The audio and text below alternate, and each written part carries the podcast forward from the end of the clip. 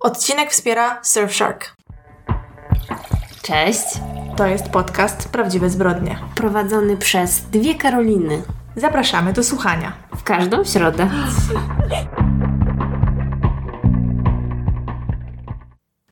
To może od razu przejdźmy do rzeczy. Co tam ciekawego robiłaś w tym tygodniu? Słyszałam, że byłaś na filmie w kinie. A byłam. Nawet miałyśmy przypadkowe spotkanie na ulicy. Tak, jak, jak szłam do tego kina i wysyłałam Karolinie Snapchat, to kończąc ten Snapchat na nią wpadłam. Bardzo ciekawe to było. W każdym razie byłam w drodze do kina na film Zakonnica 2. I być może to będzie dla Was y, zaskakująca informacja, ponieważ y, zazwyczaj nie chodzę na tego typu filmy. Ja również byłam zdziwiona. na przykład dlatego, że nie widziałam Zakonnicy 1. Czy to było konieczne do obejrzenia Zakonnica 2? E, mm, nie wiem, wydaje mi się, że nie, bo może tak, poszłam z koleżankami, ponieważ właśnie jedna z nich bardzo, bardzo chciała ten film zobaczyć i praktycznie nas zmusiła, żebyśmy poszły z nią. Znaczy, wiadomo, no mówię to żartobliwie. Mhm. No ale okej, mnie długo nie trzeba przekonywać, żeby pójść do kina, bo ja właściwie mogę pójść na wszystko. No i właśnie one widziały tą Zakonnicę 1, więc y, byłyśmy dość irytujące na seansie, bo rozmawiałyśmy właściwie cały czas, więc jak coś trzeba było, to mi tłumaczyły. Mhm. Ale jakby poza nami były chyba tylko jeszcze dwie inne osoby, więc myślę, że nie przeszkadzało im to bardzo. No właśnie, kiedy ten film wszedł do kin? Nie wiem. W 1900... Nie, nie wiem. No nie wiem, parę miesięcy temu Okej. chyba. Ja nie śledzę horrorów, bo w sumie nie wiem, czy y, wszyscy słuchacze wiedzą, jest to horror. E, dlatego mnie by tam, nie wiem, wołami nie zaciągnęli po prostu. E, położyłabym się w progu i trzymałabym się framugi, żeby tylko nie, nie zostać wciągnięta na salę. Ale wiem, że wiele osób bardzo to lubi. Mm. No ja ogólnie horrorów się boję i tak cały czas mówiłam, że ja się boję, że mogę pójść, ale się boję i że jak coś, to będę mieć zamknięte oczy cały czas. Bo ja mam takie no dość traumatyczne wspomnienia z horrorami, bo pamiętam z dzieciństwa The Ring. Jak byłam młodsza, to właśnie kumplowałam się z takimi koleżankami, które były też wielkimi fankami horrorów i pamiętam, że one mnie katowały jakoś już na początku gimnazjum oglądaniem The Ring, tej wersji chyba japońskiej i potem amerykańskiej i naprawdę dla mnie to była wielka trauma, bo ja do tej pory czasem wydaje mi się, że z telewizora wyjdzie jakaś dziewczynka albo ze studni wyjdzie jakaś dziewczynka z włosami na głowie, to znaczy na twarzy. To jest dla mnie straszne. I pamiętam, że właśnie one zaciągnęły mnie tam 100 lat temu do kina na horror Amityville. A to jest ogólnie straszna historia. Nawet nie kojarzę tego tytułu. Nie no, jest na pewno kojarzysz właśnie z takich historii kryminalnych, bo tam e, to się wydarzyło naprawdę, że mężczyzna zamordował całą swoją rodzinę w takim nawiedzonym domu. Mhm. Dużo podcastów o tym było. No w każdym razie na tym filmie to jest tragiczne, bo jeszcze dochodzą do tego jakieś demony. Właśnie i mi się to kojarzy, że zawsze te wszystkie demony, złe moce wychodzą na ludzi, kiedy biorą prysznic albo są w wannie. I też y, pamiętam, że długo jak się myłam w wannie, to się bałam, że z tej wody wyjdzie Nie. jakaś taka czarna mazia. No, w każdym razie. Na tej zakonnicy było całkiem zabawnie. No bo tam te takie jump scary były i jakby poddawałam się temu, że faktycznie skakałam na tym siedzeniu, ale zaraz później śmiać mi się chciało z tego całego, z tej całej sytuacji. Więc w sumie muszę powiedzieć, że dobrze się bawiłam. Wiadomo, że nie jest to film, jaki bym sobie tam sama wybrała, ale teraz tak dla zasady myślę, że muszę tą pierwszą część obejrzeć, bo właśnie moje koleżanki mówiły, że pierwsza część była o wiele lepsza Okej. i że była jakaś taka bardziej subtelna. O ile można tak powiedzieć. No w każdym razie dobrze się bawiłam. Nie było tak źle, nie było tak strasznie. No to czekamy na recenzję Zakonnicy 1. Ale nawet jakichś takich koszmarów nie miałam po tym ani nic takiego. Jedyne co to jak wyszłyśmy z kina, które było w centrum handlowym Mhm. i poszliśmy tam na parking, to to już było tak późno, że w całym centrum handlowym były zgaszone światła i na tym parkingu Uuu. było tak ciemno. No, W ogóle nikogo, żywej duszy tam nie było i my tam szłyśmy i no, wydawało nam się, że zaraz ta zakonnica wyskoczy i to było bardzo creepy. Ale poza tym wszystko spoko. Wiesz co, teraz jak opowiadasz, żebyś nie myślała, że cię ignoruję, po prostu go oglądam wszystkie filmy, które wydaje mi się, że dla mnie były horrorami. Okazuje się, że wszystkie są thrillerem. No. Oczywiście The Ring też widziałam, niestety, i przyznam, że bardzo mało z niego pamiętam, bo po prostu przez większość czasu miałam zakryte oczy. Mm. To dla mnie było za dużo, bo też byłam jakaś dosyć młoda i straumatyzowało mnie to. Ja w ogóle nie lubię się bać. I teraz sobie przypomniałam właśnie, próbowałam sobie przypomnieć w zasadzie wszystkie takie straszniejsze filmy, które widziałam, jak już ktoś mnie zmusił. I tak pamiętam, że kiedyś z Kasią, pozdrawiam, oglądałyśmy, to się nazywało Niepokój. To pamiętam, że to było dla mnie straszne, to jest thriller. Pamiętam, e, że bardzo się bałam filmu Inni z Nicole Kidman, chociaż to też nie jest horror. No, no, no. I ostatni taki straszniejszy, powiedzmy, film to chyba było, nie chcę teraz skłamać, mam wrażenie, że to był stary, stary film z początku lat 2000, kiedy y, dzwoni nieznajomy, to był chyba w ogóle No. remake. Tak, tak, Tak, tak. ale to też jest oglądałam. thriller, jak patrzę. Tak. E, I ja i tak się go bałam, a ludzie, z którymi go oglądałam, raczej się śmiali, więc... Jak się okazuje, jedyny horror, jaki w życiu widziałam, to The Ring. No ja pamiętam, że w gimnazjum moje takie bio, byśmy teraz powiedzieli, Mhm. to było lubię thrillery. I każdy film, jaki się na, właśnie miał gatunek thriller, to ja na niego chodziłam do kina, pamiętam, że... Ale no one też były straszne, ale do takich... Ja... No bo spoko są filmy takie straszne, ale bez tych nadprzyrodzonych mocy. No ja tego nie lubię, No tak. bo to już jest takie zbyt niepokojące. W każdym razie ja z własnej woli jeszcze niedawno, bo jakieś plus minus 5 lat temu, oglądałam tę tą serię filmów The Conjuring, czyli to jest po polsku obecność, bo słyszałam, że to są niby takie dobre horrory. No i właśnie, już mogę teraz zaspoilerować, że natchnęła mnie ta cała wyprawa do kina i moja dzisiejsza sprawa będzie miała związek z na przykład serią filmów właśnie Obecność. Więc Czyli będę miała koszmary po dzisiejszej historii, tak? być może, a może nie. Zobaczymy. Okej, No dobra. No, a co tam u Ciebie? Przede wszystkim e, w ostatnim czasie, myślę, jak wiele z nas, bardzo dużo myślę o nadchodzących wyborach, o dziwek. Także błagam Was wszystkich, zwłaszcza dziewczyny, bo niestety krążą takie dane, które mówią, że bardzo dużo dziewczyn tam od 18 do 30 któregoś roku życia nie zamierza, czy też kobiet, nie zamierza pójść na wybory. Błagam, zróbcie to. Nie pozwólcie nikomu decydować za siebie. I też pamiętajcie o tym, że można głosować w innym miejscu niż się mieszka i to bardzo łatwo sobie załatwić. Wystarczy tam parę razy kliknąć w internecie, bo też na pewno wiele osób mieszka gdzieś, gdzie nie jest zameldowanych. I można głosować za granicą, więc no nie ma wymówek. Pamiętajcie, idźcie. Ważny dzień, ważna data. A poza tym obejrzałam to, co Ty też obejrzałaś, myślę, z tego, co widziałam u Ciebie na Instagramie, czyli Infamię. A, infamię, tak. To ja już to widziałam dawno temu. Ja wiem, tylko że pamiętaj, że miałaś urlop dłuższy niż ja. No. E, tak, no więc ja muszę powiedzieć, że byłam zachwycona. Przyznam, czasami odwracałam wzrok od telewizora, kiedy były te sceny rapowania. Przepraszam. Mhm. Taki malutki cringe mi się włączał. Ale wiesz, że mi tak nawet nie. W sensie jakby ja to kupuję jako całość. Ja w tym nie? pierwszym odcinku chyba byłam trochę zaskoczona tym, jak to wyglądało. No. Potem im bliżej końca, to już tak, to już się przyzwyczaiłam, jakby polubiłam tą bohaterkę na tyle, że to się stała jej część, że tak powiem, i przestało mi to przeszkadzać. Ale na początku naprawdę pierwsza scena jej rapowania to siedziałam tak. Mhm. Pokazałam, że zasłaniam oczy.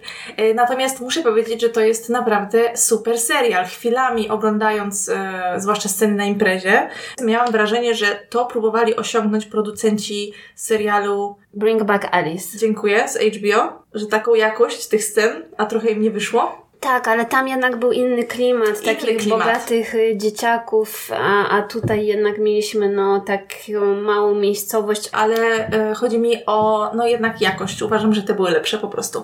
E, ale dobra, może opowiemy o czym jest ten serial.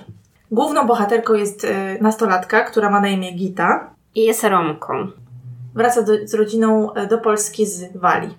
Jest to na pewno pierwszy serial, który w taki współczesny sposób pokazuje społeczność romską, co jest no naprawdę bardzo ciekawe. Aktorzy też są faktycznie z pochodzenia Romami. No wiadomo, że nie, wszyscy. Mhm. Głównie role drugie, drugoplanowe. Tak, no te, Mhm. te pierwszoplanowe to jednak było grubo naciągane, no Mhm. ale tak było, więc nie wiem, nie możemy nic na to poradzić. Ale co chciałam właśnie powiedzieć a propos aktorów, to wiesz, że e, aktorka, która e, gra matkę Gity, Magdalena Czerwińska, pamiętam, że ona w serialu Glina, mam do niego wielki sentyment, również grała Romkę w jednym z odcinków. Tak, właśnie tak. ona dla mnie bardzo musieli ją ucharakteryzować, żeby się jakoś tak u, upodobniła do Romek, nie? Ja wiem, w ogóle jakoś się nad tym nie zastanawiałam, szczerze mówiąc, ale właśnie y, jak ją zobaczyłam, mówię, ojej. I mój narzeczony y, wszedł do pokoju i aż tak widziałam, że spojrzał, bo on też y, jakby widział Glinę triliard razy i też od razu skojarzył tę aktorkę z tamtą rolą. To może dlatego ją wybrali w sumie, bo ja Bardzo nie możliwe. wiedziałam. Muszę powiedzieć, że ten serial w ogóle mnie zaskoczył. Spodziewałam się czegoś kompletnie innego, włączając go. Yy, główna bohaterka jest fantastyczna, naprawdę. Nie da się jej nie lubić, nie zapałać do niej sympatią. Jest taka bardzo odważna, jednocześnie zagubiona. No, super. W ogóle ta aktorka, która yy, grała Gitę, też bardzo mi się podobała. No, w zasadzie nic mnie tam nie zawiodło, szczerze mówiąc.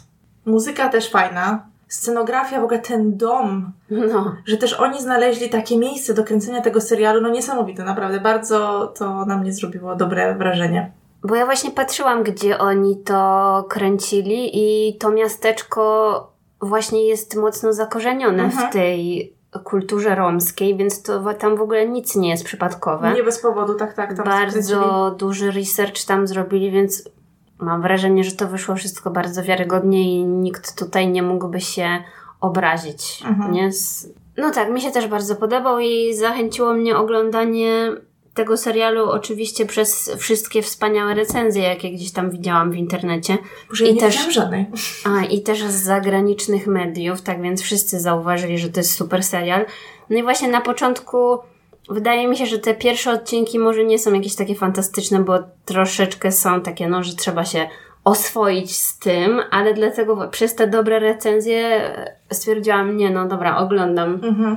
Oglądam do końca, więc jeżeli się zastanawialiście, no to na pewno trzeba, bo jest to, myślę, najlepszy polski serial, taki niedawno zrobiony. Tak, na pewno w ostatnim czasie y, najlepszy, jaki widziałam. Zdecydowanie no. zgadzam się z Tobą w 100%. I wiesz co? Yy, skłamałam. Wydaje mi się, że widzi- musiałam coś widzieć na Instagramie Kuby z Nie Spać Słuchać. Tak, bo właśnie mi się rzuciło w oczy, że poza tym, że Kuba to polecał, to jeszcze jego współprowadząca podcast Nie Spać Słuchać Anna Tatarska, właśnie chyba w dzień, kiedy ten serial się pojawił na Netflixie, to ona wrzuciła na Instagramie, że widziała go już przedpremierowo dwa razy i właśnie mówiła, że to jest najlepszy polski serial i tak myślałam, okej, okay, ona dużo ogląda, wow. to na mhm. pewno wie, co mówi. To komplement. I właśnie też e, oglądając ten serial w ogóle nie zauważyłam, kiedy czas mija. Naprawdę. Siedziałam, do drugiego oglądałam. Mm. I było mi strasznie smutno, że muszę już iść spać i następnego dnia pierwsze co zrobiłam, jak tylko mogłam usiąść przed telewizorem, to go skończyłam. Także no bardzo, bardzo mi się podobał. A wzruszyłaś się? Ja się tam wzruszałam Aha.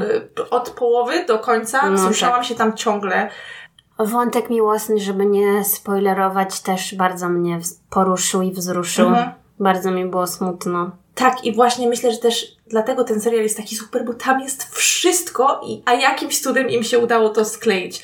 Tak jak Karolina powiedziała, jest wątek miłosny, jest tragedia, jest y, śmierć, jest y, broń, po prostu mafia prawie, że mhm. narkotyki, mhm. wszystko tam jest. I jeszcze to zmaganie się z tą jej tożsamością też jest bardzo fajnie mhm. pokazane, no nie? Tak. I ten taki z jednej strony wstyd przed tym, kim ona tak naprawdę jest, a potem ta transformacja, mhm. no bardzo fajnie. Tak, no wiadomo, to jest główna bohaterka, ale mam wrażenie, że y, wszystkie te dziewczyny w jej wieku, które były pokazane, każda z nich miała jakiś taki konflikt. Y, no, chociaż ona miała najtrudniej, zdecydowanie, ale te śmieszne sceny, jak tam ganiali za nią z tą spódnicą, że mają ubrać, y, bo romska dziewczyna musi chodzić w spódnicy, no.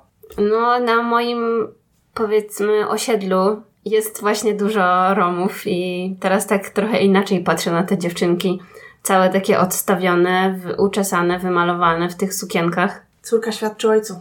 No. Poza tym w ostatnim czasie przeczytałam też e, książkę, to znaczy kilka książek, ale e, chciałam powiedzieć, przyznać się w zasadzie, że przeczytałam jedną z książek, która jest szalenie popularna na TikToku, a w zasadzie BookToku, jak to nazywają. Czekaj, mogę zgadnąć Mhm, teraz? Tak. Czy przeczytałaś jakąś książkę Colin Hoover? Nie, o nie, o nie. A, o nie. dobra, bo już myślałam.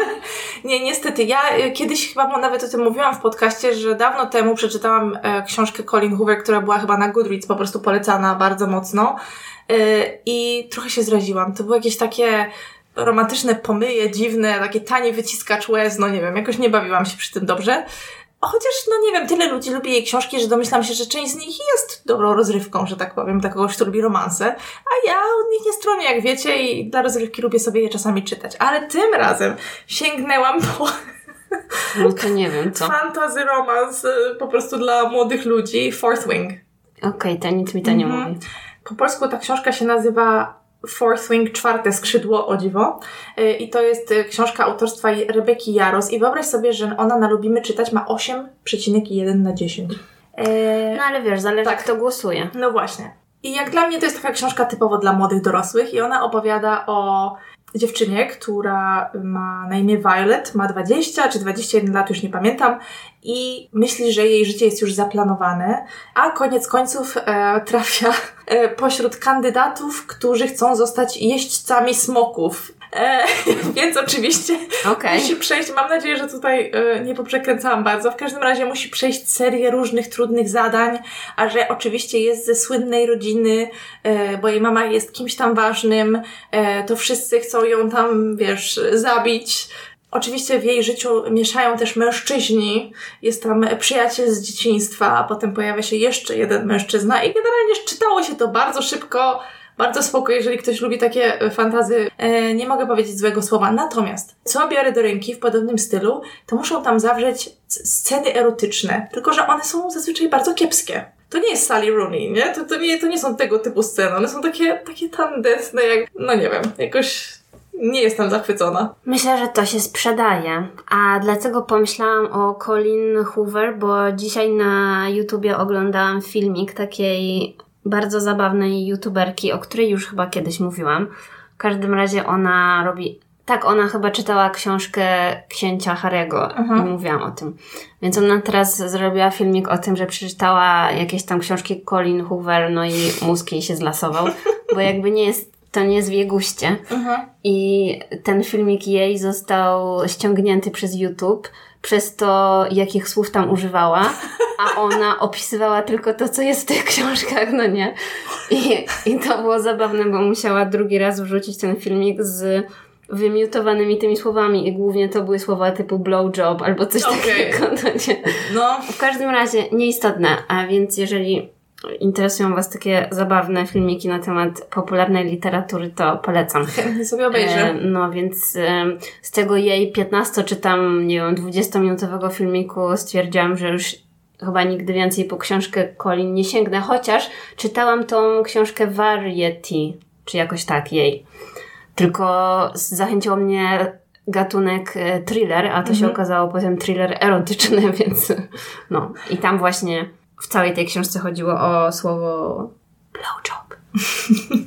No. Wiesz co, żeby nie było, ja naprawdę nie mam nic przeciwko takim scenom, tak jak mówię, są moim zdaniem pisarze, którzy świetnie sobie radzą z nimi i potrafią e, ładnie to wszystko opisać i jakoś tak w taki sposób, że to jest naturalne, nie jakieś takie wymuszone i po prostu dobrze się to czyta. No, a czasem wychodzi tak trochę niezręcznie, jakby ktoś pisał pierwsze opowiadanie w życiu, no nie wiem. No ale to na pewno jest trudne, żeby to Na napisać pewno. jakoś tak e, ze smakiem. Dlatego wspomniałam Sally Rooney, bo wydaje mi się, że ona potrafi na przykład, nie? Mhm. Mimo to, że takie graficzne są te jej sceny, to jakoś tak naturalnie to wszystko y, brzmi. To na koniec może jeszcze powiem, że miałam świetny tydzień filmowy. Coś mi się stało, że nie wiem, może to dlatego, że żadnego takiego serialu na bieżąco nie mam do oglądania. I obejrzałam parę randomowych filmów, a wiem, że czasami ludzie nie wiedzą, jaki film włączyć, więc służę informacją. Obejrzałam najpierw film na Amazon Prime Video. Po polsku Dawna Ja, Somebody I Used to Know. Bardzo przyjemny film, taki troszkę momentami cringe'owy, w sensie dobra, mówię o filmach takich, które mają sprawić, że poczujesz się lepiej, czy coś takiego, nie jakichś arcydziełach. Więc ten film y, jest wyreżyserowany przez tego młodszego brata Jamesa Franco. Przepraszam, że nie pamiętam jego imienia, ale ma na nazwisko Franco. I jeszcze przez tą aktorkę, która gra główną rolę w tym filmie. No w każdym razie to jest taki cute film, taki trochę w klimacie niezależnym, a trochę w klimacie takim właśnie komediowym, zwykłym. Brat ma na imię Dave. Franco. Tak. Coś wiedziałam, że coś na D. E, no, więc dziewczyna wraca do swojego rodzinnego miasteczka, no i wiadomo, jakieś tam sprawy z przeszłości, ble, ble, ble. Więc bardzo mi się ten film podobał. Jak jest małe miasteczko, to mnie kupiłaś. No i to jeszcze takie małe miasteczko w Ameryce z jakimiś takimi niemieckimi zapędami, mhm. że tylko tam jakieś wursty sprzedają i jeżdżą na nartach, coś w tym stylu, bo tam chyba jeszcze jest to około świąt. Mhm. Więc no, bardzo spoko. O, jeszcze około świąt. Mój Boże, to zachowam na grudzień. No. Drugi film, jaki mi się pojawił na Netflixie, myślę, że też wielu osobom, bo on jest nowy, to tytuł Serce w chmurach. O mój Boże. Wspaniały tytuł. Ale na pewno Cię to przekona, ponieważ główną rolę w tym filmie gra na pewno wszystkim znana i lubiana aktorka z Białego Lotosu, Hayley Lou Richardson. Czyli ta, która grała tak. asystentkę tej Crazy Lady. Masz rację, mi się to też wyświetlało na głównej stronie. No, a jej obiekt miłosny gra również przyjemny dla oka aktor e, Ben Hardy. W każdym razie film Serce w chmurach, po angielsku Love at First Sight, czyli możecie wiedzieć o co w tym chodzi. To jest bardzo prosta i bardzo słodka komedia romantyczna z happy endem, więc no jak złoto. Okej. Okay. Wchodzi jak złoto. Brzmi dobrze. Myślę, że więcej nie trzeba na temat tego filmu mówić, ale jeszcze jeden film. Jezu. Przepraszam jeszcze Ale nie, nie może to zostać. Jak widzicie, miałam dużo czasu na oglądanie filmów. W każdym razie ten ostatni film to nie jest nic zabawnego. To jest poważny, świetny film, który mhm. wszyscy muszą zobaczyć. Też jest na Amazonie, na szczęście. Bo ogólnie Amazon, no wiadomo, ma wiele za uszami, ale ja zauważyłam, że oni no pewnie przez to, że mają mnóstwo pieniędzy, to bardzo często wykupują filmy takie niezależne. Mhm. Dzięki temu więcej osób może je zobaczyć, no bo w kinach na przykład tego filmu nie było. A mówię o filmie A Good Person, który wyreżyserował Zach Braff i tam główną rolę gra Morgan Freeman mhm. i Florence Pugh, więc ogólnie świetnie, wszystko świetnie. I nie jest to film o miłości, o dziwo. O żałobie ale o relacjach, no o żałobie też, też o uzależnieniu. Naprawdę wiele poważnych wątków tam jest poruszonych i ja naprawdę przez cały ten film płakałam już tak na smutno, że po prostu byłam cała w gilach i, mój chłopak zawsze jak ja płaczę na filmach, to on się tak na mnie patrzy jest przerażony tym, co ja wyprawiam, ale po prostu no ja uwielbiam płakać na filmach. To jest moje ulubione zajęcie, więc jeżeli jakiś film tyle emocji we mnie wzbudza, to znaczy, że ma 10 na 10. Mhm. Jest naprawdę bardzo przykry i poruszający, ale dla mnie to jest dobrze. No powiem szczerze, że Zach Braff na zawsze będzie mi się kojarzył z Scrubs. Na zawsze będzie mi się kojarzył z rolą e, JD. Mm, no wiem, wiem, ale mm, wiem, on jeszcze on ma teraz... drugą twarz. Oczywiście, ja wiem, że on jest teraz e, już od lat, jest e, reżyserem, prawda, natchnionym artystą, ale też ciekawe jest, że aktorem komediowym był bardzo dobrym, więc mm. ewidentnie człowiek wielu talentów. No ale wiesz, co się mówi o tych aktorach komediowych, że oni zawsze mają depresję. Więc tutaj ta jego druga twarz, bardziej taka emocjonalna, wychodzi właśnie w roli reżysera. No, tak więc świetny film. Ja jedyne, co jeszcze robiłam w tym tygodniu, to próbowałam oglądać y, Ultimatum po raz trzeci, ale to był ostatni raz, kiedy daję szansę temu programowi. On jest beznadziejny. Mówisz o tym reality na tak, Netflixie? Tak, dokładnie, że tam mm. przychodzą pary i jedna osoba drugiej w parze stawia ultimatum, że wyjdziesz za mnie albo się rozstajemy, czy tam ożenisz się ze mną albo się rozstajemy. Nawet nie ożenisz, oświadczysz mi się, tak? Albo przyjmiesz moje oświadczyny albo się rozstajemy. Naprawdę uważam, że ten program jest po prostu słaby. Mnie jakoś właśnie nigdy nie zachęcił, mimo że słyszałam, że dużo osób go ogląda, ale jakoś tak cały ten koncept mi się wydaje durny. No dziwny, jakiś taki sztuczny, nie wiem o co chodzi. Była mała drama na samym początku tego programu, to było nawet fajne do oglądania, ale potem to wszystko jakoś tak siadło i nie polecam. Jedyne, co chyba dobrego można powiedzieć o tym programie, że zrobili wersję queerową. Tak. No bo jednak tego myślę brakuje w tych programach takich randkowo-miłosnych. No Love is Blind queer nie ma. Jeszcze, mam nadzieję, no. że zrobią też taką wersję. Ale myślę, że już dużo się dzisiaj nagadałyśmy. Macie dużo filmów do obejrzenia z mojej listy. No powiem szczerze, że trochę mnie taka się czuję wywołana do tablicy ten Good Person, bo ja go widziałam swoją drogą, że jest dostępny i obiecałam sobie, że go obejrzę, ale po oglądaniu trailera dawno temu wiem, że będzie kosztował mnie dużo, więc e, no, no potrzebuję dobrego momentu, dobrego wieczoru na to, żeby to zrobić. Pamiętam jak Florence Pugh e, podczas promocji tego filmu bardzo dużo wrzucała na jego no temat. właśnie przez jej Instagram mhm. w ogóle z, z, wiedziałam, że ten film istnieje. Tak, tak, no dokładnie, ja podobnie. No to chyba czas na Twoją historię. Historia, którą dzisiaj opowiem, wydarzyła się w Walii, w południowej Walii w Wielkiej Brytanii. W pierwszej połowie roku 1994 na policję dzwoni kobieta i zgłasza zaginięcie swojego syna Daniego Dajka. W niektórych źródłach mówili, że ma 30 lat, w innych, że 31. W każdym razie Dani był e, osteopatą i fizjoterapeutą i w przeszłości, jak rozumiem, e, był fizjoterapeutą lokalnej drużyny rugby. Sam zresztą też grywał i to ponoć całkiem nieźle. Dani urodził się w południowej Afryce, e, ale do szkoły poszedł w Wielkiej Brytanii. Właśnie w Wielkiej Brytanii również zaczął grać w rugby, a później szkolił się, żeby zostać osteopatą. Najpierw prowadził swoją praktykę osteopatyczną w Eastbourne i jak rozumiem, rozumiem, radził sobie całkiem nieźle, zarabiał dobrze. W pewnym momencie przeprowadził się do południowej Walii właśnie ze względu na rugby, a także został zatrudniony jako fizjoterapeuta dla jednego z klubów, jak mówiłam, a ogłoszenie tej pracy znalazł w magazynie sportowym. W jednym ze źródeł mówili, że w tamtym czasie rugby stawało się takim profesjonalnym sportem, więc było duże pole do popisu, ale to też wiązało się z tym, że zawodnicy chcieli wyglądać na jak największych.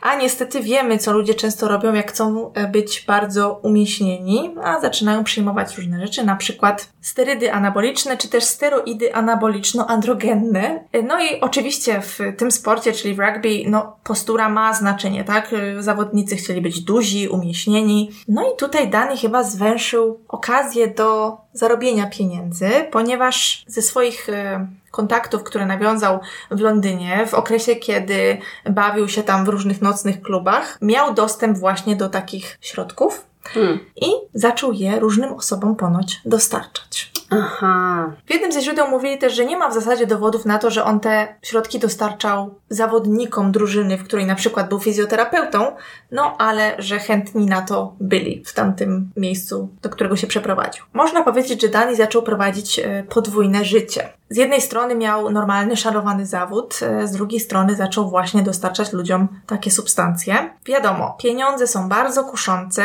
i Dani dosyć szybko zorientował się, że można na tym bardzo dobrze zarobić, a co więcej, można zarobić jeszcze więcej kasy, jeżeli zacznie zajmować się narkotykami, które ludzie przyjmują rekreacyjnie. Aha, mhm. no to nieładnie. Tak, dzięki swoim kontaktom e, miał dostęp do różnych używek, do różnych narkotyków e, i zaczął zarabiać naprawdę duże pieniądze pieniądze, ponoć zaczął jeździć nawet sportowym autem. Poza tym można powiedzieć, że jego wygląd, jego sposób bycia, sposób wypowiadania się yy, sprawiał, że był idealną osobą do roli kuriera tych narkotyków, ponieważ na pierwszy rzut oka nikt by go nie podejrzewał o to, że takimi rzeczami się zajmuje. Pochodził ze średniej klasy, był wykształcony, bardzo dobrze się wysławiał, sprawiał dobre wrażenie.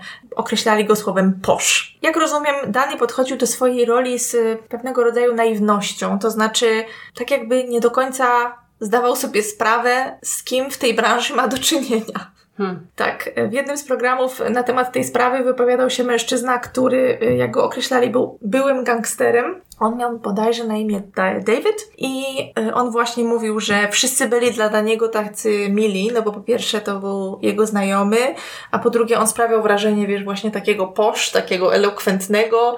Tak jak wspomniałam, Dani przewoził narkotyki z Londynu właśnie do południowej Walii, dokładnie do Swansea. To jest takie nadmorskie e, miasto. I miało to mieć miejsce już od 92 roku. W pewnym momencie, w jednym z artykułów wspomnieli, że to mogło być w roku 93, Danny poznał dwóch mężczyzn, Wellsbiego i Wilsona. Wellesby miał na imię John, e, jak rozumiem mówili też na niego Jackie. Wilson również ponoć miał na imię John. No i to było dwóch takich mężczyzn, którzy właśnie zajmowali się taką przestępczą działalnością, zajmowali się narkotykami. Co ciekawe, Wellesby zaczął zajmować się narkotykami we wczesnych latach 90., po tym jak wyszedł z więzienia. W więzieniu miał poznać różnych dealerów i gdy wyszedł z tego więzienia, stwierdził, że właśnie za taką pracę się zabierze. Hmm, super. Tak. O to chodziło. Dokładnie tak.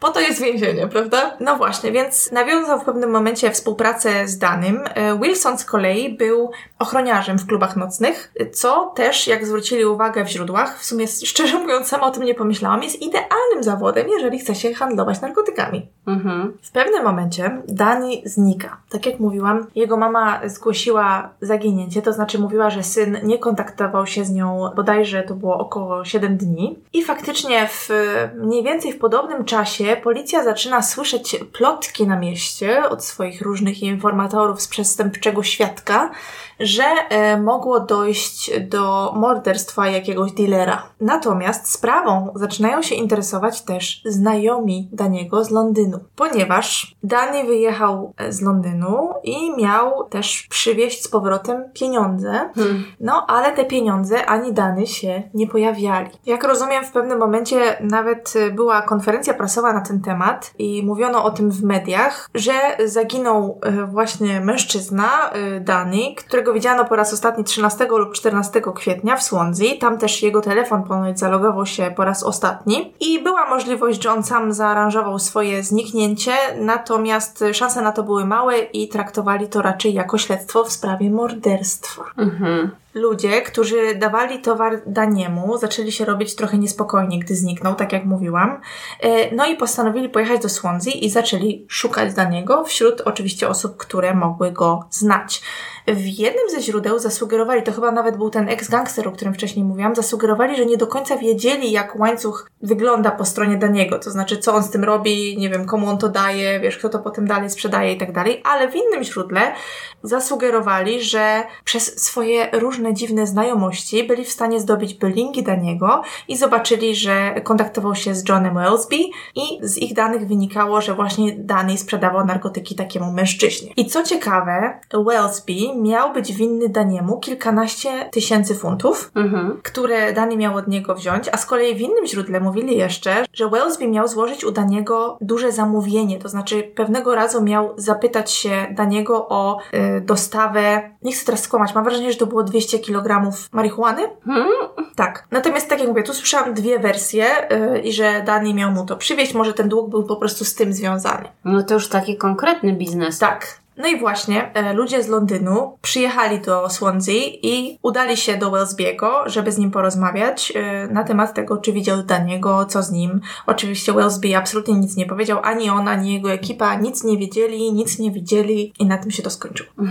Ale musieli go bardzo przestraszyć, ponieważ mężczyźni udają się na policję. E, Udali się na policję i powiedzieli detektywom, że wierzą, że gang z Londynu może przyjechać do Swansea e, właśnie e, w sprawie Daniego E, bo nie zapłacił im za narkotyki. No i oczywiście boją się, no bo są w jakiś sposób w tą sprawę zamieszani. Policja oczywiście udała e, się porozmawiać e, z znajomymi Daniego, z londyńskiego świadka, no ale tam, wiadomo, żadnego komentarza na ten temat nie mieli. Mimo przypuszczeń, jakie miała policja, no niestety ciężko im było popchnąć sprawę do przodu, ponieważ nie było ciała, nie było żadnych konkretnych dowodów i jak rozumiem, śledztwo dosyć mocno zwolniło. W lutym 96 roku Wellesby pojawia się na policji i mówi, że ma informacje o Danym.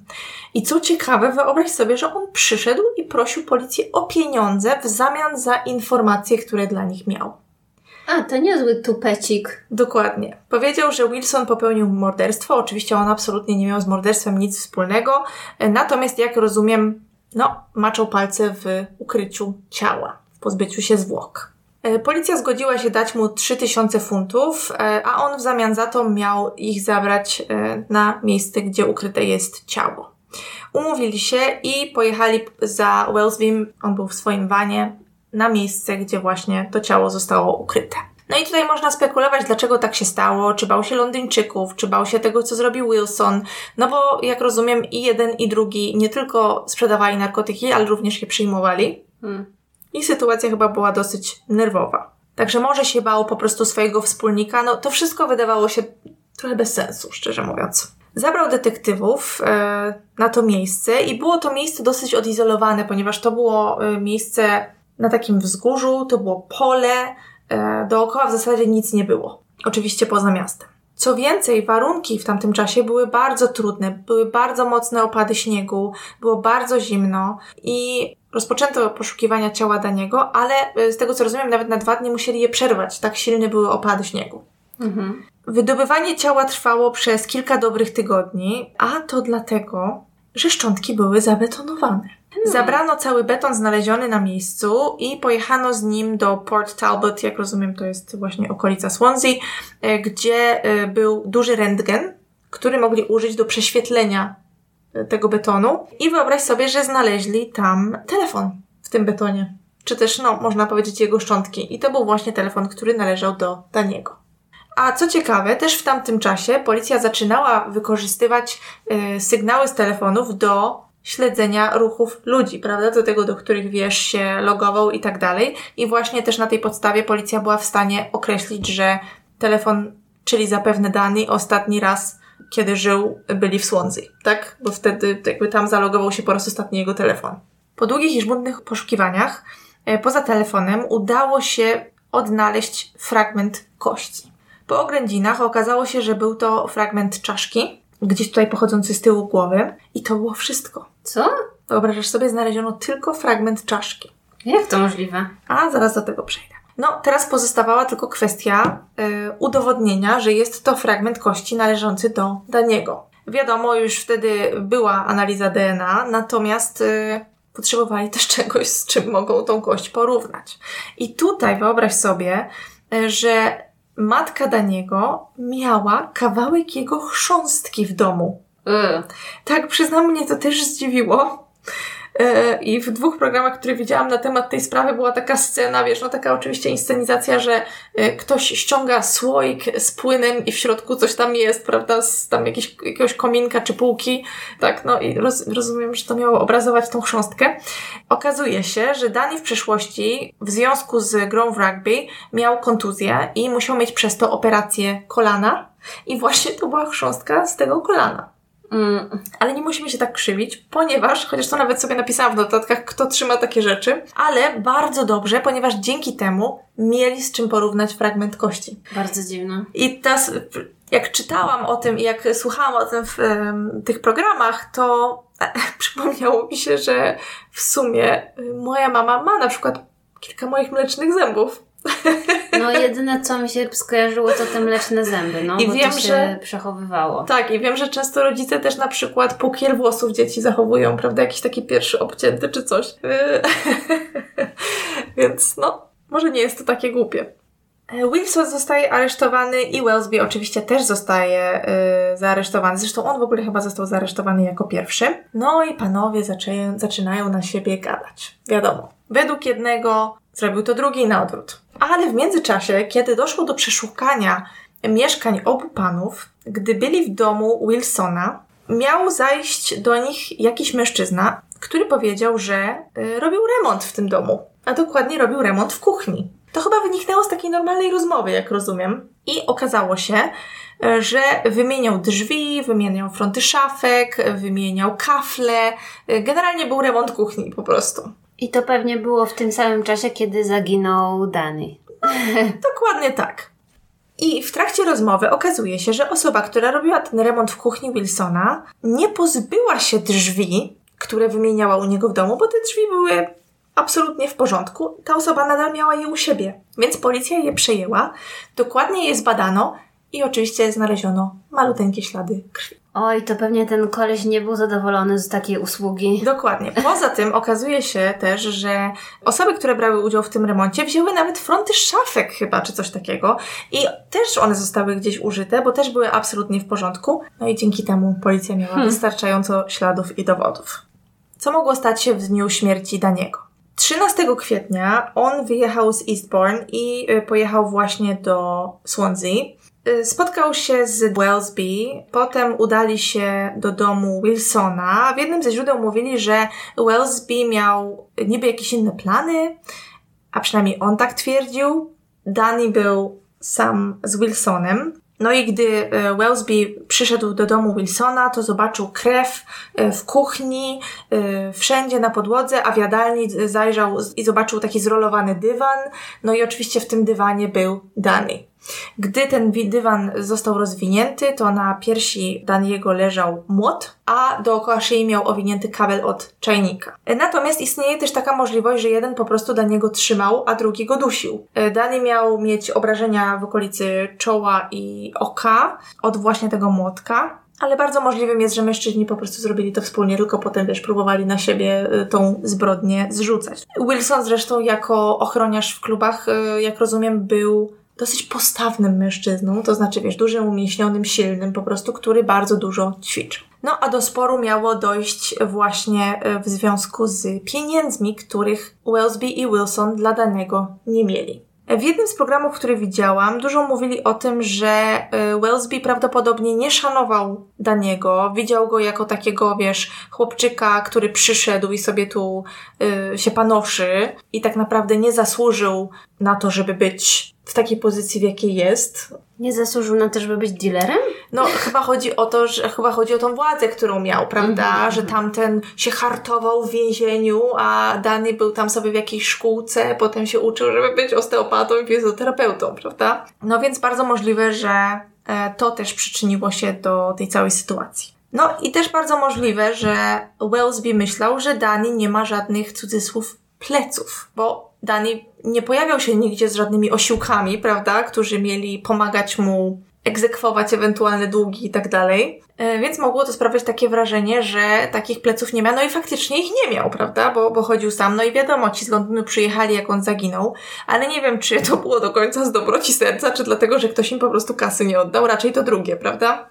No i teraz, co stało się po tym, jak Dani został zamordowany? Mężczyźni Zawinęli go w ten dywan z powrotem, wynieśli do wana Wellsbiego, który oczywiście miał wana, no bo był budowlańcem. Ja wcześniej jeszcze nie powiedziałam, że on prowadził też firmę budowlaną. No i dzięki temu miał też teren, na który mogli to ciało wywieźć. Wcześniej wspominałam, że ciało Daniego zostało odnalezione na takim odizolowanym terenie na wzgórzu. No i właśnie Wellsby wynajmował ten teren po to, żeby wyrzucać tam gruz. No wiesz, tam nikogo nie było, yy, więc nikt się nie będzie czepiał, prawda, że tam jakieś śmieci zawozi. No i było tak, że oni zawieźli to ciało y, i zostawili je y, gdzieś tam, y, w ogóle chyba stał jakiś budynek, jakieś krzaki, więc zostawili je tak, żeby go nie było widać, z myślą, że wrócą następnego dnia się z tą całą sytuacją rozprawić.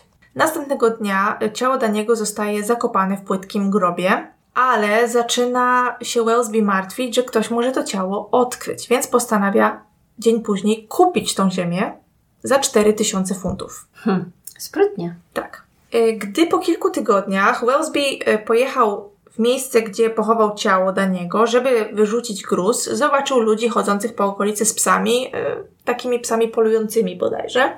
I chyba to też go przestraszyło, bo zaczął myśleć, że te psy mogą odkryć ciało, prawda? Mogą je wypęchać, a potem je odkryć. No to co on postanowił? Postanowił wyciągnąć ciało Oczywiście przyjechał przygotowany. Wrócił do tego miejsca z betoniarką, wyciągnął ciało, wykopał głębszy grób, zalał ten grób betonem, to znaczy, przepraszam, włożył z powrotem ciało Daniego do tego głębszego grobu, zalał grób betonem, a na to położył płytę betonową, którą zrobił. Na tej płycie z kolei ustawił przyczepę, którą wcześniej kupił. Całkiem niezły pomysł, jak się nad tym zastanowisz. No tak, dobry plan mieli. Tak ale ewidentnie zaczynał mieć paranoję, ponieważ po jakimś czasie stwierdził, że to wszystko za mało i ktoś jednak może odnaleźć to ciało. Więc wrócił po raz trzeci, postanowił wydobyć ciało Daniego z grobu. Pojechał tam z młotem pneumatycznym i taką koparką. Rozbił beton młotem pneumatycznym, wyciągnął koparką beton z ciałem Daniego, rozwalił to wszystko, w tym ciało Daniego, włożył je z powrotem do tego grobu, na to położył palety drewniane, wylał, już tam chyba to było kilkanaście czy dwadzieścia galonów paliwa, podpalił to wszystko i gdy policja przesłuchiwała ludzi mieszkających w okolicach, mówili, że faktycznie był czas, kiedy yy, na tym wzgórzu był pożar przez dwa czy trzy dni. Tak długo się to paliło. Co? Tak. I dlatego tak w tym grobie nie znaleziono więcej szczątków na niego. Mhm. Czyli tylko to, co zostało w betonie, co nie zostało jakoś tam spalone. Ale dziwne. E, I też właśnie w jednym z programów wspomnieli, że niektórzy mordercy mają stres pourazowy. I jakby to też mógł być objaw tego, że po pierwsze, była to zbrodnia niezaplanowana, prawda? To się mogło, to się stało pewnie w jakiś tam sposób przez przypadek, w furii, w złości, albo nie wiem, może wiedzieli, że tak zrobią, ale nie przygotowali się na taką ewentualność i jeszcze mogli brać narkotyki, pić, co tą paranoję wzmagało. No, Domyślam się, że dla większości ludzi zabicie człowieka jest ogromną traumą. Chowanie ciała, wyciąganie go trzy razy, ja nawet nie jestem w ogóle w stanie objąć tego umysłem. Więc wcale by mnie nie zdziwiło, że są y, ludzie, którzy popełniają morderstwo, y, potem chowają ciało i mają stres pourazowy. Wcale by mnie to nie zdziwiło. Oczywiście nie szkoda mi go absolutnie, ale jestem w stanie sobie to wyobrazić. Ale mam nadzieję, że też go skazali za jakieś bezczeszczenie zwłok, no bo przecież co on tam wyrabiał z tymi zwłokami. A to jeszcze wrócę do tego. E, za chwilkę. Żeby młotem pneumatycznym kogoś potraktować, no to daj No, spokój. Wiem, to jest po prostu okropne. No i cóż, mimo tego, że mężczyźni tam zrzucali na siebie winę, to i Wellesby i Wilson zostają oskarżeni o morderstwo. I w 1997 roku dochodzi do procesu. Mężczyźni zostają e, skazani na dożywocie. Wilson umarł w więzieniu w 2000 roku na raka, natomiast wyobraź sobie, że Wellesby wyszedł z więzienia. Oni mają, e, nazywają to licencją, jak rozumiem, i to jest takie wyjście warunkowe, to znaczy, że oczywiście jak złamiesz ten warunek, od razu wracasz do więzienia i on miał mieć takie coś na całe życie jakby. I e, on do tego więzienia wrócił. Ponieważ w lecie 2021 roku został skazany ponownie. E, Wyobraź sobie, że policja zatrzymała go i znaleźli w jego y, samochodzie narkotyki. Poza narkotykami znaleźli u niego w samochodzie prawie półtora tysiąca funtów.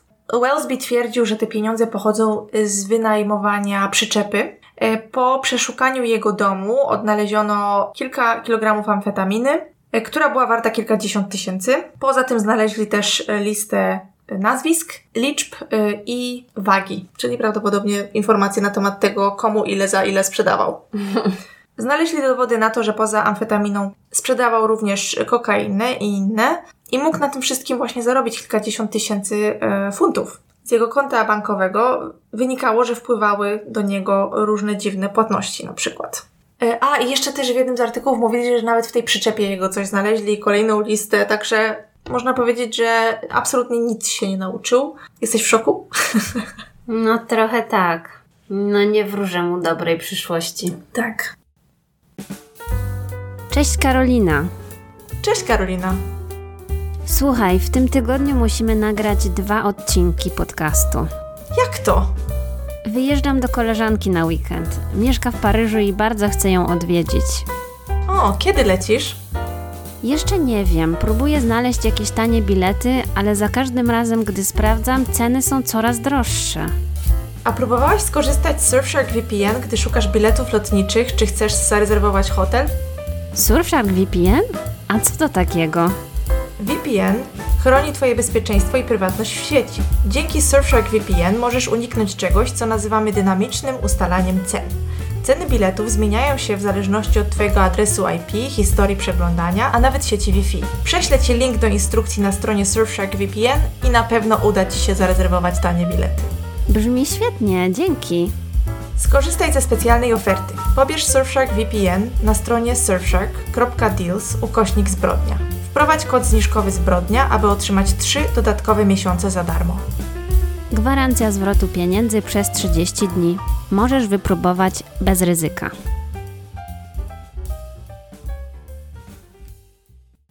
To, żeby tradycji stało się zadość, jestem ciekawa, co Ty dziś dla nas przygotowałaś, zwłaszcza po tym, co mówiłaś w dygresji. Y, Ja opowiem o bardzo szokującej sprawie z Wielkiej Brytanii, która wydarzyła się w roku 74 i mamy tutaj sprawę morderstwa, które było poprzedzone egzorcyzmami. Zacznijmy od Michaela Taylora. On właśnie w 74 roku miał 31 lat, miał żonę Christine i piątkę dzieci i psa. Mieszkali w domku jednorodzinnym w małej miejscowości Osset w West Yorkshire, właśnie w Wielkiej Brytanii. I Osset to było takie miasteczko nazywane targowym. Było położone niedaleko miasta Wakefield. I to było takie miejsce, o którym zawsze się mówi, że nic złego się tam nie dzieje, że ludzie, wiesz, nie zamykają drzwi i tak dalej. Bardzo spokojne, mało mieszkańców i tak dalej. Znajomi rodziny Michaela i Christine mówili, że to była taka szczęśliwa rodzina, zupełnie się nie wyróżniali. Z boku ich życie wyglądało na takie zwykłe, spokojne. Niestety, kilka lat wcześniej Michael doznał poważnego urazu kręgosłupa. W związku z tym odczuwał silny ból właściwie każdego dnia, przez co miał problemy ze znalezieniem stałej pracy. No i właśnie od czasu tych jego dolegliwości rodzina zaczęła mieć problemy finansowe, bo wiadomo, Michael tutaj był głównym żywicielem rodziny, nie miał stałego zatrudnienia, na Christine przy piątce dzieci też miała wiele na swojej głowie. Więc rodzina Taylorów miała problemy finansowe. Michael czuł wielką presję związaną z utrzymaniem rodziny i być może w związku z tym zaczął popadać w takie niepokojące stany.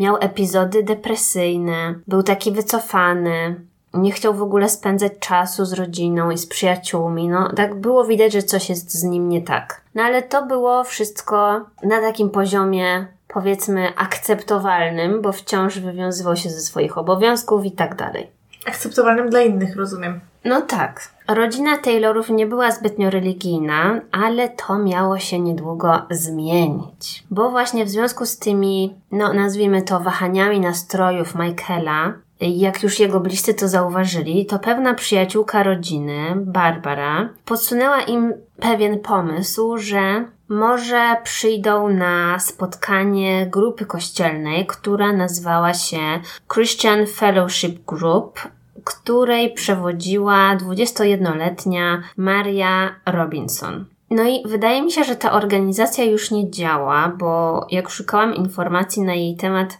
to właściwie nic nie znalazłam, ale pod tym hasłem wyświetliła mi się strona chrześcijańskiej amerykańskiej organizacji The Fellowship, znanej też pod nazwą The Family. U. No właśnie, którą już możemy kojarzyć z innych historii, więc nie wiem, czy to ma jakiś związek, tak czy inaczej brzmiało dość e, niepokojąco. No, mieszkańcy tego miasteczka Oset byli dość religijni. E, w mieście obecnie jest siedem kościołów, jak podaje Wikipedia. Historycznie to było miasteczko nonkonformistów religijnych, ale teraz tam można znaleźć właściwie wszystkie kościoły, tam anglikańskie, katolickie, spirytualistyczne i też kościół Jehowy. Więc ludzie tam, jak rozumiem, są otwarci na różne opcje religijne. E, wracając do Michaela, jak mówiłam wcześniej, nie był zbyt religijny, ale coś się w nim zmieniło i zachęcony opowieściami koleżanki zaczął regularnie uczęszczać na zebrania tejże grupy.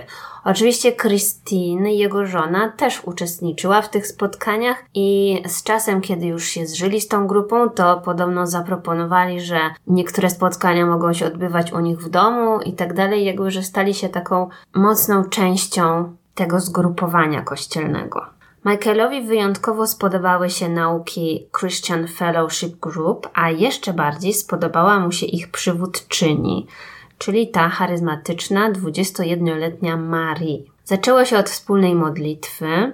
Michael chodził na każde spotkanie tej grupy, był zafascynowany ich naukami, obserwował też, jak inni członkowie grupy na przykład przechodzą egzorcyzmy, jak wypędzano z nich demony za pomocą mocy Boga. No i z czasem Mary i Michael zaczęli spotykać się prywatnie, tak jeden na jeden, a to nie było takie powszechne. I te spotkania miały charakter rytualny i trwały na przykład całą noc. Siadali naprzeciwko siebie i powtarzali znak krzyża przez wiele godzin, co miało wypędzić wszystkie złe moce, i to odbywało się podczas pełni księżyca. Pozostali członkowie grupy szybko zauważyli, że między Michaelem a Marią nawiązała się jakaś relacja, no i że Michael powoli się w niej zakochuje. Odbiło się to też na zachowaniu Michaela w domu, bo często go nie było, jak miał wolny czas, to chodził na te zgrupowania, albo spędzał czas na prywatnych spotkaniach z właśnie tą Marie. A kiedy już był w domu, to był bardzo wycofany i zamknięty w sobie. Nie chciał już spędzać czasu ze swoją rodziną, więc wyszło na to, że dołączenie do tej grupy kościelnej, które miało mu pomóc, to tak naprawdę dało zupełnie odwrotny efekt. Szczególnie zaniepokojona była oczywiście jego żona, Christine, która widziała, co się dzieje. Zauważyła, że Michael wyjątkowo lgnie do Marii, no i postanowiła poruszyć ten temat na forum podczas następnego spotkania grupy kościelnej. Podobno stanęła tam i otwarcie oskarżyła go o to, że ma romans z Marie. Wow. No. Reakcja Michaela na ten atak ze strony Christine była co najmniej dziwna, ponieważ zamiast jakoś ustosunkować się do tego, co powiedziała jego żona, Michael postanowił rzucić się na Marie. I to dosłownie. Zaatakował ją fizycznie, a dodatkowo mówił językami, Mhm. co profesjonalnie nazywa się glossolalia i oznacza wypowiadanie niezrozumiałych dźwięków w stanie religijnego uniesienia. Więc wyglądało to strasznie i on naprawdę tam fizycznie to było no niebezpieczne. Inne osoby, które były obecne na tym spotkaniu, musiały go powstrzymać, żeby nie zrobił nikomu krzywdy. Według e, Michaela e, poczuł, że opanowały go jakieś złe moce i że zupełnie nie pamięta tego, co zrobił. A z kolei Marie już po fakcie powiedziała, że podczas tego ataku widziała, jak wyraz twarzy Michaela zupełnie się zmienił, że wyglądał jak zwierzę, jego spojrzenie było dzikie i że w ogóle oni oboje mówili do siebie językami. Marie czuła, że jest o krok od śmierci i wiedziała w tym momencie, że tylko Jezus ją uratuje, więc w kółko powtarzała jego imię. I Marie twierdzi, że Christine do niej dołączyła i obie wtedy krzyczały imię Jezusa i tylko dzięki temu Marie właśnie została uratowana. Następnego dnia wszystko zostało mu wybaczone. Michael uzyskał rozgrzeszenie od Marii, ale pozostali członkowie grupy nie mogli zapomnieć całego tego przerażającego zdarzenia, więc Michael był bacznie obserwowany. I ludzie właśnie zauważyli, że jego stan się pogarsza. A sprawa była na tyle poważna, że o pomoc poproszono lokalnego wikara, który z kolei poprosił o wsparcie grupę duchownych i wszyscy razem doszli do wniosku, że Michael może znajdować się pod wpływem sił demonicznych. To znaczy po prostu został opętany przez diabła i dlatego należy poddać go egzorcyzmom. Proste. Do tego egzorcyzmu miało dojść 5 października 74 roku. Egzorcyzm został przeprowadzony przez ojca Petera Vincenta i wielebnego Raymonda Smitha. Wszyscy spotkali się o północy w kościele świętego Tomasza w Gober i poza Michaelem i tymi duchownymi w kościele byli też pozostali członkowie zgrupowania kościelnego. Nie wiem, czy w ramach rozrywki, czy wsparcia. Krystyna też tam była. I cały obrzęd trwał przez 8 godzin. Gdy tylko ten egzorcyzm się rozpoczął, e, Michael zaczął przejawiać reakcje typowe dla osoby poddawanej egzorcyzmom, to znaczy miotał się, pluł, gryzł, miał konwulsje, drapał się i szarpał się tak mocno, że musieli przywiązać go do ziemi. Michael był przez właściwie cały czas trwania tych egzorcyzmów oblewany wodą święconą, a do ust wsadzono mu krucyfiks, który, jak rozumiem, też w którymś momencie podpalono. To wszystko brzmi bardzo bezpiecznie, jak rzucał się, polewano go w tym czasie wodą, a jeszcze wsadzono mu to do, coś do ust. No, faktycznie. Mhm. No i podobno Michael warczał na każdą osobę, która się do niego zbliżała. Kapłani, którzy wykonywali egzorcyzmy twierdzili, że udało im się zlokalizować około 40 demonów e, przebywających w ciele Michaela i że te demony były odpowiedzialne m.in. za kazirodztwo, zoofilię, bluźnierstwo, sprośność, herezję, masochizm Czyli i wszystko. tak dalej. No, tak, tak. Mhm. I po tych ośmiu godzinach duchowni, jak też wszystkie osoby, które się tam zgromadziły, byli wyczerpani i nie mieli siły, żeby kontynuować. A problem był w tym, że jak twierdzili, w ciele Michaela zostały jeszcze trzy demony. I to takie najgorsze, bo odpowiedzialne za morderstwo, szaleństwo i przemoc. Postanowili kontynuować egzorcyzmy innego dnia, no i krótko mówiąc rozeszli się, zostawiając Michaela z trzema najbardziej niebezpiecznymi demonami. Ale jedna kobieta, żona pastora, która nazywała się Margaret Smith, miała wątpliwości, bo podobno jej intuicja, albo szósty zmysł, albo cokolwiek, albo Bóg podpowiedziało jej, że demon morderstwa może właśnie zawładnąć Michaelem i zabić Christine. I kobieta była przerażona i prosiła tych księży, żeby dokończyli egzorcyzm teraz. Ale oni byli zbyt zmęczeni i nie zgodzili się na to. Kazali Michaelowi i Christine wrócić do domu, żeby odpoczęli i przygotowali się na kolejną i ostatnią część e, egzorcyzmów, która miała zostać odprawiona następnego dnia. No i o godzinie 9.45, niecałe dwie godziny po egzorcyzmie, policja została wezwana do okolicy, w której mieszkali Michael i Christine, ponieważ zaniepokojeni sąsiedzi zgłosili, że nagi i brudny mężczyzna biega po okolicy. Policjanci, którzy odpowiedzieli na to zgłoszenie, jechali samochodem i natrafili na tego mężczyznę, który ledwo chodził, plątały mu się nogi, był nagi i właściwie cały we krwi. Kiedy do niego podeszli, ten mężczyzna zwinął się w kulkę, to znaczy przyjął pozycję embrionalną i powtarzał w kółko to krew szatana. Oczywiście od razu zebrali się też ludzie, chcący dowiedzieć się o co chodzi. Okazało się, że rozpoznali tego nagiego mężczyznę. No i tu nie będzie raczej niespodzianka, jak powiem, że ten mężczyzna to był e, Michael Taylor. Na miejsce wezwano pogotowie. E, Michael, jak mówiłam, był cały we krwi i jeszcze nie było wiadomo, czy był ranny.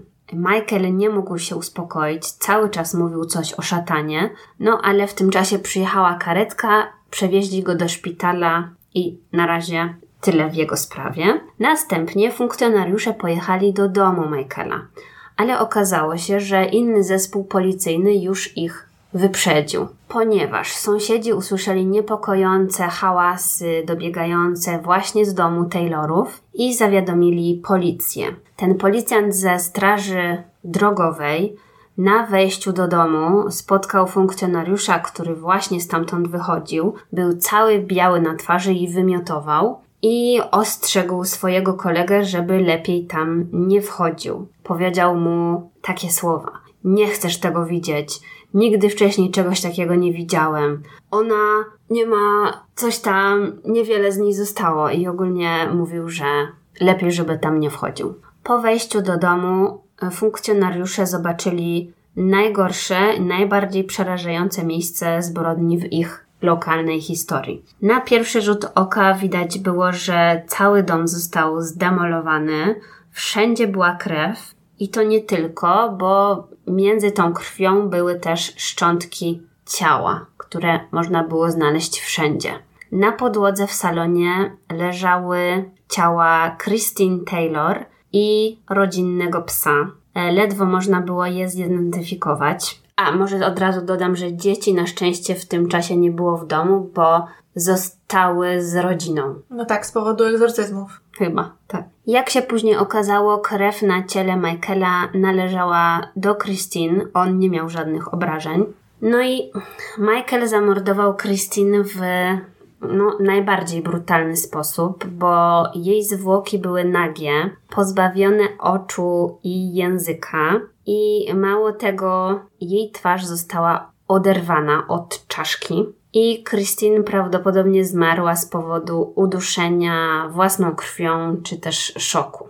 Jeżeli chodzi o psa, to zmarł z powodu uduszenia, a pośmiertnie również Michael pozbawił go oczu, zębów i kończyn. Wszystkie, jak mówiłam, pozostałości zostały porozrzucane po całym domu, więc no dlatego ten widok naprawdę musiał być straszny dla funkcjonariuszy. No i po tym, co zrobił, e, Michael wyszedł z domu, biegał po tej okolicy i został znaleziony przez policjantów właściwie chwilę później. Bo jak udało się ustalić e, funkcjonariuszom, do zbrodni musiało dojść około godziny 9.30, czyli też chwilę po tym, jak Michael i Christine wrócili do domu z kościoła z egzorcyzmów.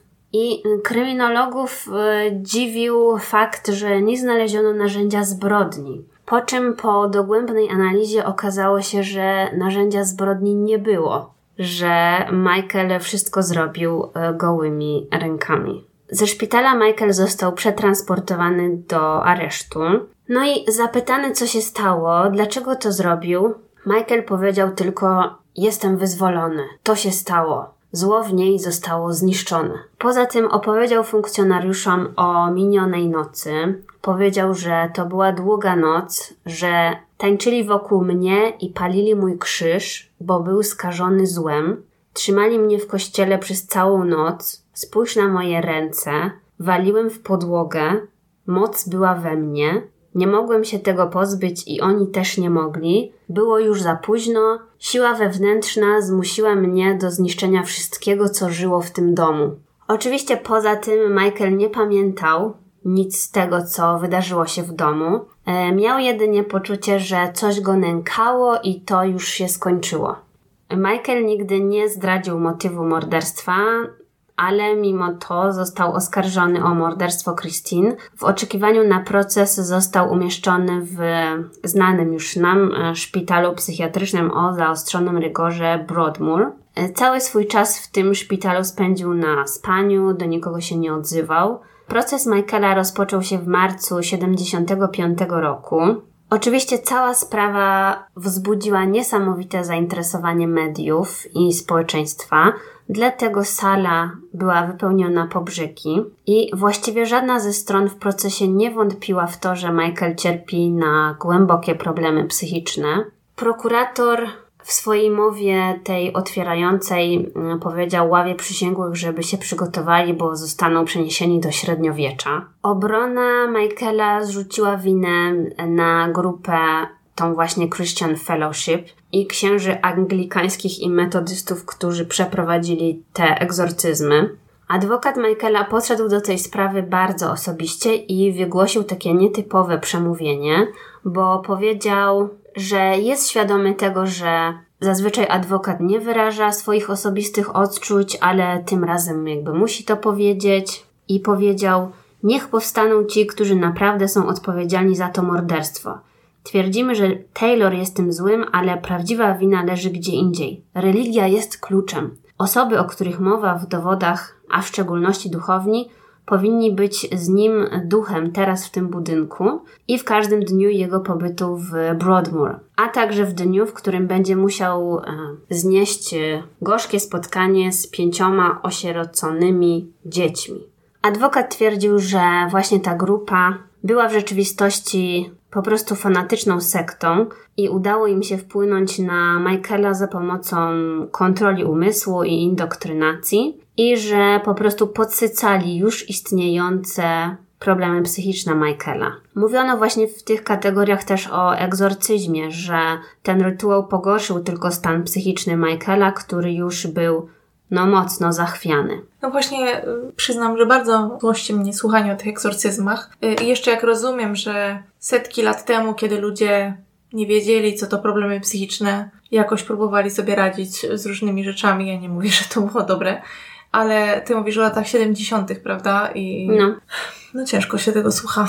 No ale to też były czasy tego New Age, no nie? No wiem, ale tak tych... czy inaczej jest to po prostu straszne, no. bo to ewidentnie była osoba, która y, powinna była trafić do psychiatry, a nie na jakieś krytyńskie egzorcyzmy. Mhm. No i właśnie adwokat mówił o tym, że ta indoktrynacja, ta manipulacja musiała popchnąć go w to szaleństwo i w to morderstwo, bo tak naprawdę na odchodne powiedzieli mu, zostały w nim te demony.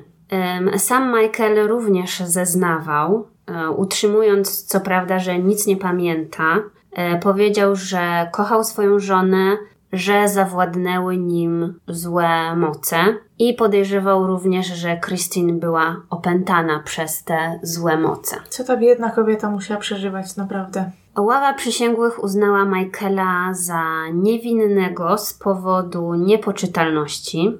Y, Michael został uznany za niepoczytalnego klinicznie i prawnie, w związku z czym właśnie został odesłany znowu do Broadmoor i tam miał pozostać przez dwa lata, a następnie kolejne dwa lata spędzić w innej instytucji Bradford Lawyer Infirmary, po czym został po prostu wypuszczony na wolność. Mhm. Jedyne co pozytywnego można powiedzieć, że to podobno był ostatni odnotowany egzorcyzm przeprowadzony przez Kościół anglikański. Ale na przykład ojciec Peter Vincent, który był odpowiedzialny za te egzorcyzmy Michaela, wciąż po tym wszystkim twierdził, że Michael był opętany przez demony. No to znaczy, no pewnie jego teoria się sprawdziła po tym wszystkim dla niego. E, nie wyciągnięto żadnych konsekwencji w sprawie tego księdza, no bo no pewnie oni wszystko to sobie wytłumaczyli na swoją korzyść. Mało tego, był wychwalany i podobno jakiś tam awans dostał. Ciekawe, czy w ogóle są paragrafy na to, żeby pociągnąć kogoś no. takiego do odpowiedzialności, chociaż y, jego y, przełożeni może powinni się zastanowić. No właśnie. A drugi ksiądz, ten wielebny Raymond Smith, on przyznał, że według niego egzorcyzm się nie udał. No więc jakby no, no brawo dla niego. Mhm. Co ciekawe, podobno Michael po wypuszczeniu z tych dwóch instytucji wrócił z powrotem do domu w Oset. Nie wiadomo co z jego dziećmi, no jak rozumiem, na pewno ich tożsamości są strzeżone. E, Michael w dalszym ciągu przejawiał takie depresyjne e, zachowania. Przez lata podjął cztery próby samobójcze ale poza tym, bo rozumiem, że to są informacje z jakichś tam, z jakiejś dokumentacji. A poza tym raczej zapadł się pod ziemię, no bo nikt nic o nim nie wiedział do czasu, bo w lipcu 2005 roku Michael został aresztowany za molestowanie seksualne i niewłaściwe zachowanie wobec nieletniej dziewczyny. W tej sprawie odbyła się rozprawa w sądzie i Michael, e, jak rozumiem, podczas tej rozprawy był taki dość e, niekontaktowy i przyznał, że to wszystko jego wina i zapytał, czy pojedzie teraz do Broadmoor za zamordowanie swojej żony. Ojej, tak jakby w ogóle stracił kontakt z rzeczywistością. No. Podobno w związku z tym spędził tydzień w areszcie i podczas tego pobytu w areszcie ponownie jakby odświeżyły się wszystkie jego problemy psychiczne, jakie były wtedy, w 74 czy 5 roku. Ale jak ktoś zauważył, przyznam, że nie wiem na jakiej podstawie, no bo informacje na temat tej sprawy są takie bardzo, bardzo wybiórcze, ale podobno po zwolnieniu za kaucją już wszystko było z nim dobrze. W sensie, że już nie wiem, nie powtarzał ciągle jakichś rzeczy o szatanie, że coś wyszedł z tego aresztu i już wszystko było spoko. Więc to też jakby rozumiem, że to jest takie poddanie wątpliwość, czy faktycznie on był chory, mhm. czy nie. No nie wiem. Uznano w każdym razie, że zarzuty sprzed 30 lat nie mają żadnego związku z tą sprawą o molestowanie. Uznano, że nie ma żadnego ryzyka popełnienia przestępstwa przez Michaela w przyszłości. E, sorry, to znaczy jest niskie albo średnie. W każdym okay. razie nie jakieś wielkie. W związku z tym dostał łagodny wyrok, 3 lata pracy społecznej pod warunkiem leczenia psychiatrycznego. No, no to chociaż tyle, bo to chyba było najważniejsze, prawda? Tak, więc nie wiem, czy to leczenie psychiatryczne ma jakąś datę ważności. Wydaje mi się, że wspominali gdzieś, że może to już po prostu dożwotnio będzie mhm. musiał się leczyć. Także to jest koniec historii Michaela, ale jaki to ma związek z filmem Obecność, bo w 21 roku była kolejna część e, The Conjuring, The Devil Made Me Do It, czyli tam Diabeł mnie do tego zmusił, nie wiem jaki jest polski tytuł. Ten film właśnie jest y, oparty na innej sprawie, w której Arnie Johnson zamordował właściciela mieszkania, w którym e, mieszkał. To było w 1981 roku. I właśnie twierdził, że zamordował go dlatego, że go opętały demony. No i jak rozumiem w tym filmie, nie widziałam go jeszcze. E, właśnie też jest poruszany wątek Michaela Taylora. Bez komentarza. No, ja już chyba powiedziałam wcześniej, co sądzę na temat tych egzorcyzmów, to skandal jest. No ale cóż, dobrowolnie tam poszedł. Natomiast jeżeli ktoś byłby dobrym duchownym, chciałby ludziom doradzać i pomagać, to powinien odesłać go do specjalisty, a nie polewać go wodą święconą. No straszne. Biedne dzieci, biedna żona.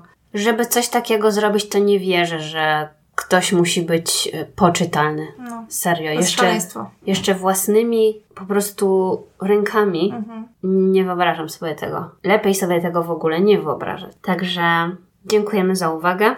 I do usłyszenia.